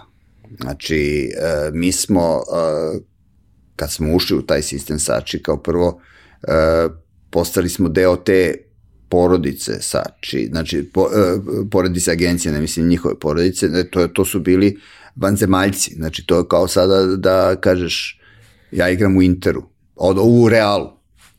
Od ja igram u NBA. Ili NBA ista si postao. Ne, NBA ima više brendova, ali ovo ti je radi, igraš u Realu. Čovjek je u Realu je, i ti odmah sa svim Realosima si uh, tu svoj. A druga stvar što je došlo, do, došlo je da smo mi e, fantastična neka nova znanja dobili od njih, jer oni su radili sjajne te stvari, dobili smo mogućnost da gledamo da te kampanje da gledamo da iz toga učimo. A treće što se ovaj e, apsolutno tada e,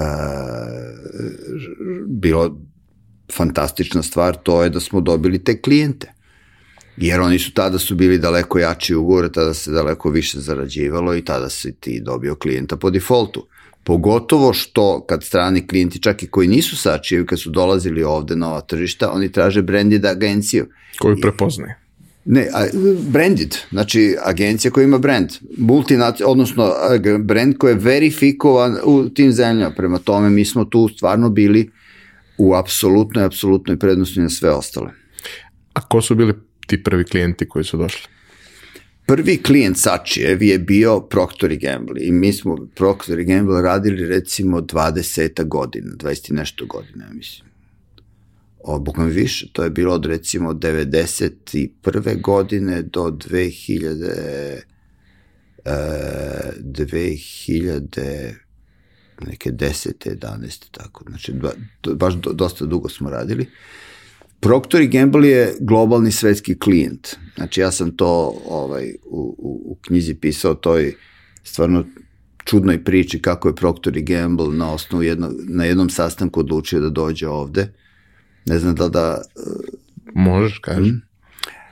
Pa desilo se to, znači mi kad smo potpisali ugovor uh, sa Sačijem, kad smo postali deo, onda su sada oni nas integrisali u svoje neke ovaj e, globalne aktivnosti kao New Kid on the Block, evo nam no, naši rođaci iz provincije su tu, imamo nove Imamo rođake. i kućne ljubimce. Imamo i kućne ljubimce. I ovaj, ja sam tu uvek koristio a, a, priliku za neku mimikriju, da a, znao sam da smo nebitni, ali sam se trudio a, da budem a, šarmantan, interesantan i sa uh, dobrim pričama, jer sam dobijao daleko više uh, nego da sam krenuo u neku trgovinu. I onda sve može, kad si nebitan si, a si super, Zanimljiv. sve može. I mi smo imali fantastične beneficije da smo dobijali mnogo, mnogo toga za džabe nikakve fijevi nismo plaćali i tako dalje, upravo zbog tog jednog dobrog odnosa, ma pusti, oni su jadnici tamo i stup, ali su simpa. I ovaj, Jedan od prvih sastanaka je bio u Frankfurtu gde je trebalo da se napravi uh, Procter Gamble je imao u Frankfurtu evropsku centralu uh, Sačijev uh, worldwide account direktor je bio uh, stacioniran u Nemačkoj, Nemac je bio i on je imao odlične odnose sa uh, Proctorovim globalnim uh, marketing direktorom bio najveći kolekcionar između ostalog slika koje je žena od tog eh, direktora radila. Normalno nema nikakve veze sa, sa jedno sa drugim, je li tako? Naravno. Ovaj, I mi smo imali taj sastanak eh, gde je prvi sastanak sa Proktorom, gde je trebalo da se i između ostalih stvari i agencija, nova agencija prezentira.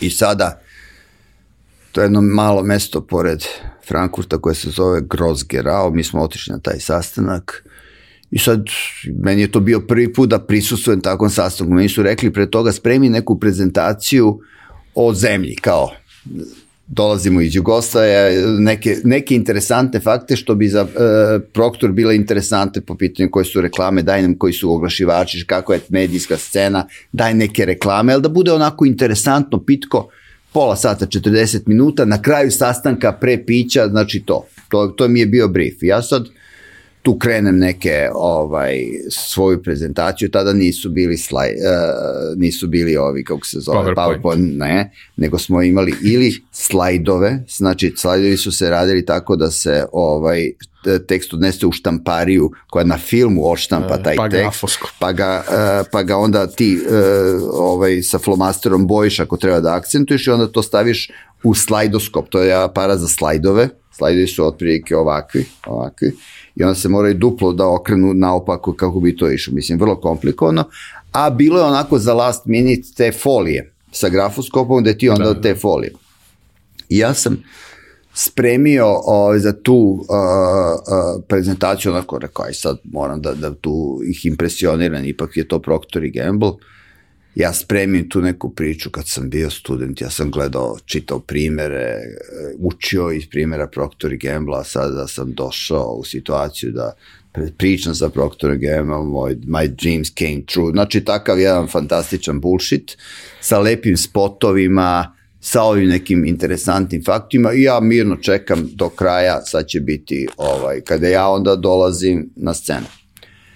Međutim, moji snovi bejahu uh, naglo prekinuti ulaskom tog nekog lika, za kasnije se ispostavilo da je to a, ali European Executive Vice President uh, u, u, u Procter Gamble koje je švabo, uh, šešeljevi dimenzija, onako bahat, uh, sav, uh, ogromna ovlašćenja, svi ga se boje. I sada kako je on ušao, otvara vrata, i kaže I can smell the alcohol, somebody was drinking last night. Ne, a ovi su stvarno se pilo prethodne večer. On, odjednom ta prijateljska atmosfera između Sačijevog tima i Proktora nestaje, svi odjednom ustaju. Guest up. dolaze, jao, došao je taj boss, on ulazi, ajde, kaman, ajde odmah krećemo da vidimo, imam samo malo od jedno 15 minuta, šta imamo, ovaj, pola sata ima, šta ja znam, to da vidimo kako je agenda, ovo me ne interesuje, ovo me ne interesuje, ima neki financial dispute uh, preko 2 miliona, ne interes, ne, ono, ništa, daj samo hoću da čujem ovaj copy strategy za sledeću godinu, to me interesuje, to vi pripremite, a dok se to ne uradi, uh, 3 minuta, 5 minuta, ova nova zemlja, ajde. I sad, kažem, čekaj, ja sam dobro razumio, ja imam ne 45 minuta, nego 5 kaže, ovaj, kaže bolje stavi tri. Kako sad, ne možeš da ne možeš da prepakuješ slajdove, ne možeš da, šta da skratim, kako imam video da pustim, ne, to su VHS kasete, mislim. šta da radim, ne mogu ništa. Kaže, kaman, kaman, ajde, nemam, nemam vremena. I sad ja izađem, a ovi ništa, ovi samo ozbiljna atmosfera. I sad ja krenem neko priča, ovaj, kaže, Švabo, ovaj, ajde, come on, come on. Ja dalje nastavim da pričam, on počne, hvata se za glavu ovako. Ja sledeća rečenica, come on, come to the point, ajde, ajde, ajde to. Ja vidim, da, ne znam, ne znam šta da radim, zato što apsolutno nemaš ni icon, nisi, on je nadrnana neka budala i sad je to nešto što je baš onako, kaže, ko me đavo tero da se, da dođem tu bre, šta je, kakav bre Procter i Gamble, bolje da sam fruktal radio, da su barem nice guys. I sad, ozbiljna atmosfera, ovaj, Hoćeš li više Hoćeš li više, alo. I ja nešto ponovo, on kaže, come on, tell, kaži mi nešto što ne znam. Kaži mi nešto što ne znam. A ja sam, kao da e, u mojoj prezentaciji kao da bude onako nešto uh, interesantno dodatno spremio nešto što sam nas, na, kasnije saznao da se to zove quick and dirty research. Quick and dirty research je nešto što apsolutno nema nikakvu statističnu, statističku relevantnost i radiš ga otprilike na uzorku koji ti odgovara i e, služi za zabavu praktično i za dobijanje nekih interesantnih odgovora, više kvalitativna neka priča. I ja pre nego što sam otišao, ovaj, sam uradio te uh, istraživanje, to Quick and Dirty, koje je imalo 5-7 pitanja, na uzorku od 10 majaka ili majki. Šta misle o pampers pelenima? Gde je otprilike njih šest hoće da čulo je za pampers pelene, uh, uh, sedam, ne, sedam ili osam je čulo za pampers pelene, od tih koji su čuli a, šest a, smatra da su najbolje pelene na svetu, od tih šest koji su čuli, svih šest hoće da kupi, bili, bili spremni da daju premium price. Jedna, bio je šest i po, pošto jedna je možda hoće, možda neće. 65%. I, e, i ja sam sve tu zaokružio u procente, nisam rekao koju, ja kažem, e, ovo niste znali. I sad ovo, pa, 80% smatra da su Pampers pelene najbolje pelene, je čulo. 60% smatra da su najbolji spremni su da daju premium e, cenu, da plate premium cenu. I odjednom ovaj počne da gleda, kaže šta je to, čekaj koliko je, koliko je sad, o, i kaže on, otkaži moje sledeće sastanke za dva sata. I na tom sastanku, na bazi tog ist, uh, istraživanja uh, na uzorku vrlo reprezentativno 10 majki, Procter Gamble je odlučio da dođe u Jugoslaviju i da uradi test tržište. I dali su po 200.000 dolara tada, što je ogromna suma, da rade test da li je išla Srbija i Hrvatska. To su bila dva testa i tako je to, tako je Procter Gamble ušao u Jugoslaviju. I ono što je uvek zanimljivo sa tim velikim sistemima je što tu postoji cela paleta brendova i gomila proizvoda i to nije nešto gde ti možeš da budeš fokusiran na jedan. Ok, obično kada dolaze na tržište dođu sa manjom gamom ili jednim proizvodom ili nekoliko proizvoda, ali kasnije kada, kada ih imaš kao klijente, to podrazumeva ozbiljnu količinu rada, veliku količinu proizvoda, veliku količinu ljudi iz njihovih timova sa kojima radiš, I ok, kada si mala ili, ili jedno od najmanjih tržišta na kojima rade, nema tu toliko mnogo neke slobode, mnogo toga ti dobijaš kao inpute sa njihove strane i gotove materijale koje lokalizuješ i slično, ali sigurno da postoji nešto u radu sa takvim klijentom što je zaista vredno. Ako ništa drugo, onda to je iskustvo učenja koje dobiješ i, i rada sa tim, naravno jer od nečega mora da se isplate plate svakog meseca. E, kako, je to, kako je to izgledalo, dakle, 20 godina ste radili? Šta se menjalo kroz tih 20 Sve. godina? U početku je bilo, a, mi smo bili export market. Znači, to export market jeste da oni nemaju lokalnu tu priču, nego e, preko izvoznih tržišta rade e, sa određenim distributerima, nešto se to dogovori, to je jedan sasvim način.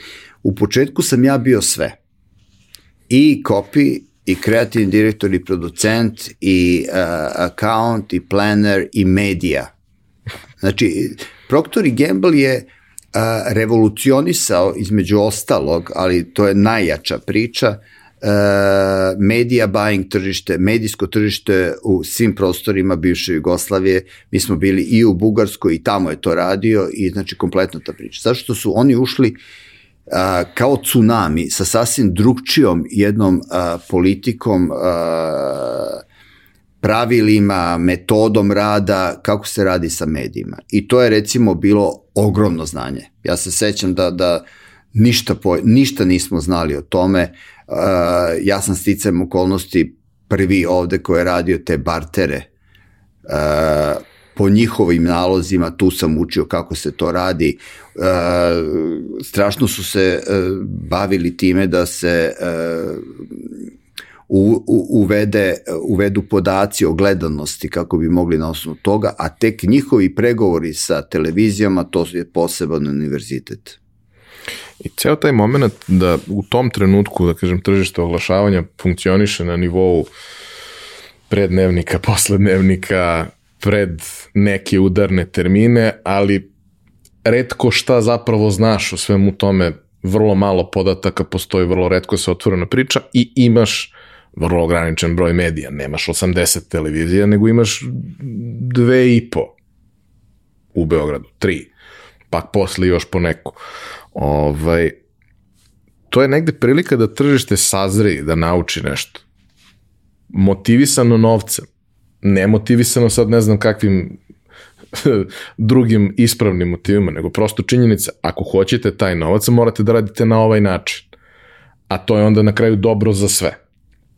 Kako su uopšte reagovali i televizije i štampani mediji, svi koji su bili uključeni u taj neki medija mix, kada neko očekuje od njih nešto što do tada niko nije očekivao od njih, niko nije tražio.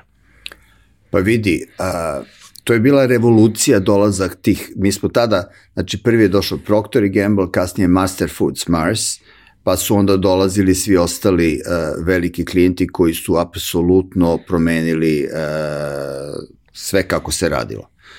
Uh, dobra stvar je što ti dolazi sa lovom i to sa puno para. I onda Deviza. dolaziš sa puno para, dolaziš kao veliki kupac i to je nešto što je izmam, izmamljivalo osmehe kod svih kroz koje, kod koje je ta lova dolazila, od agencija do medija. I onda sa puno love se mogu raditi i velike promene.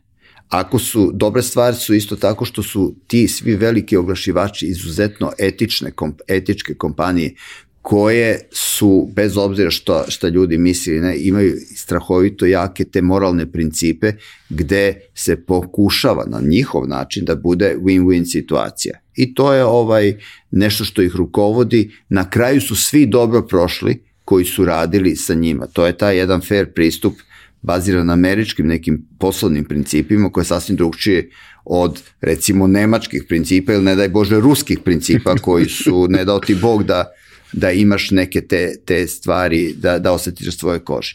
Znači, oni su dolazili ovde sa svojim pravilima, koje su bila nekada i vrlo čudna. Ja se sećam a, tih godina, to je bilo već, znam da je bio već rat, da smo mi već napravili i u Bugarskoj i Hrvatskoj agenciji, znači to je recimo 92. treća godina, treća, treća, četvrta godina. Master Foods Mars je odlučio da uh, imao je dobar uspeh u Rusiji, prvi je tamo krenuo i sad kaže hoće i ova tržišta, opet na nekom tom sastanku i kaže ajde da radimo eksperimentalno po 2 miliona dolara za svako tržište. Budžet medijski. Tad su recimo bili ukupni budžeti t, ispod 10 miliona maraka.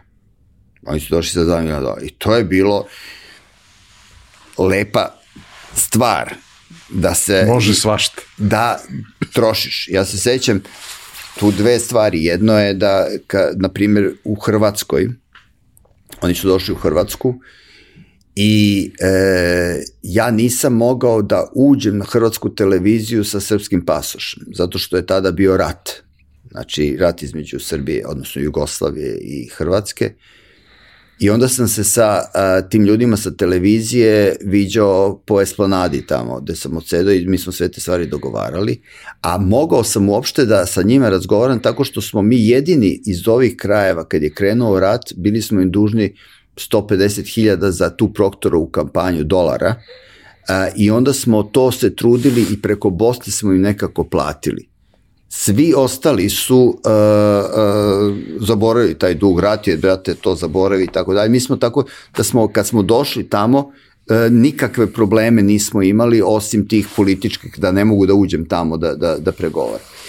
I onda smo pregovarali to, dogovarali se oko tih svih uslova I kad je trebao da se potpiše ugovor, tad je bio direktor uh, HRT-a ovaj, Anton Vrdoljak, koji je bio dosta o, poznat uh, filmski režiser, uh, Nacoš i, i onako baš je bio ovaj, uh, uz Tuđmana dosta blizak. I kad je video da će treba da se potpiše ugovor 2 miliona, što je bio apsolutno najveći ugovor u istoriji povijesti, istoriji povijesti hrvatske televizije, on je insistirao da se taj ugovor potpiše na televiziji javno.